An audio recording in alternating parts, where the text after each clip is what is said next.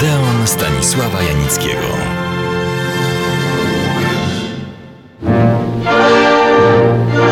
Witam Państwa w nowym sezonie. Jak bywalcy Odeonu wiedzą, pierwszy radiowy felieton poświęcam zawsze, w różny zresztą sposób, II wojnie światowej. W nowych czasach, w których teraz żyjemy, nabiera ona często innego niż do tej pory kształtu, akcentów, interpretacji. Ja zostaję przy mojej, jako że wybuchła ona dokładnie wtedy, kiedy miałem pójść na pierwszą lekcję do szkoły. Przeżyłem ją jako dziecko, ale w momencie jej zakończenia miałem już 11 lat a pamięć dawną mam bardzo dobrą. Gorzej jest z tym, co działo się wczoraj czy przedwczoraj.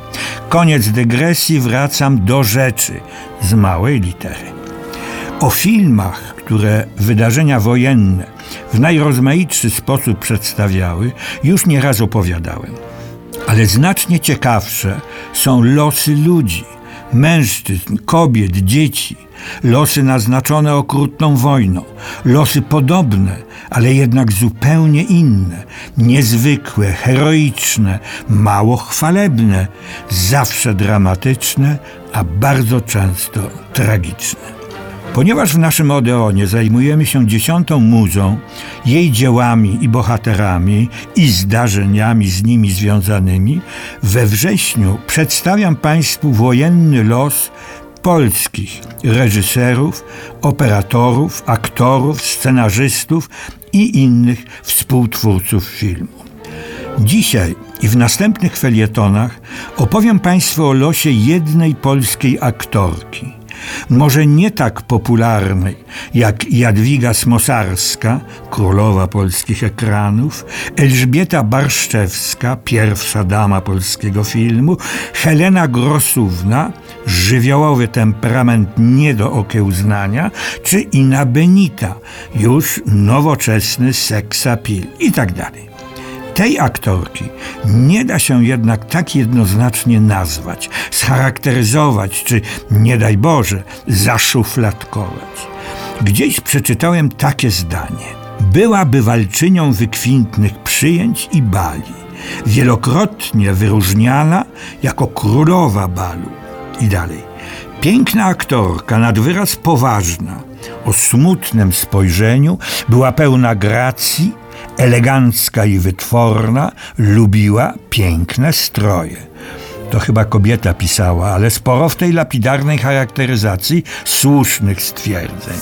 Znacznie ważniejsze, bardziej szczegółowe informacje znaleźć możemy w znakomitej książce Grzegorza Rogowskiego pod tytułem Skazane na zapomnienie polskie aktorki filmowe na emigracji.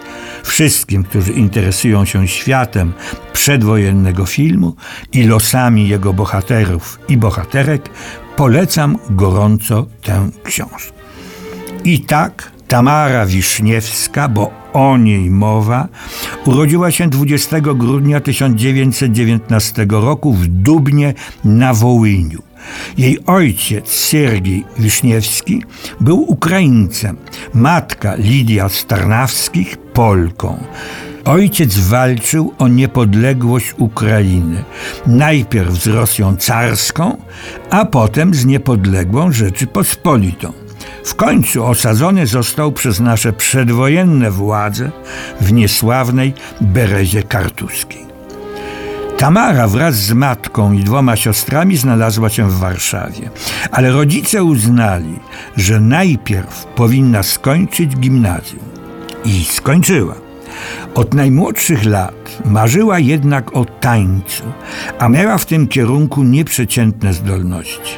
Kiedy powtórnie w 1934 roku znalazła się w Warszawie, miała już opanowany taniec klasyczny.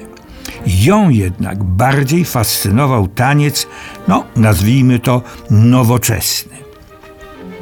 I tak trafiła do sławnej szkoły i zespołu Tacjany Wysockiej.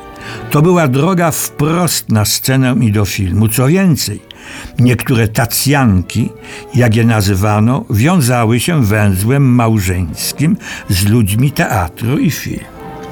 Tamara Wiśniewska zadebiutowała na scenie nie byle jakiej, bo teatru polskiego śnie nocy letniej Szekspira w nowatorskiej inscenizacji Schillera.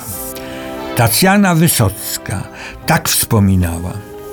Tamara była tak śliczna, tak korzystała ze wskazówek Schillera i tak szczęśliwie potrafiła wcielić naszkicowany przez niego obraz, że na drugi dzień telefon mój się urywał. Dziesiątki osób pytało o jej nazwisko. Następny krok film. Co ciekawe, że najpierw na talencie Tamary Wiszniewskiej poznali się nie polscy producenci i reżyserzy, ale niemieccy. I tak zadebiutowała w filmie niemiecko-polskim August Mocny. Ale o jej karierze filmowej opowiem Państwu za tydzień. Serdecznie do Odeonu zapraszam.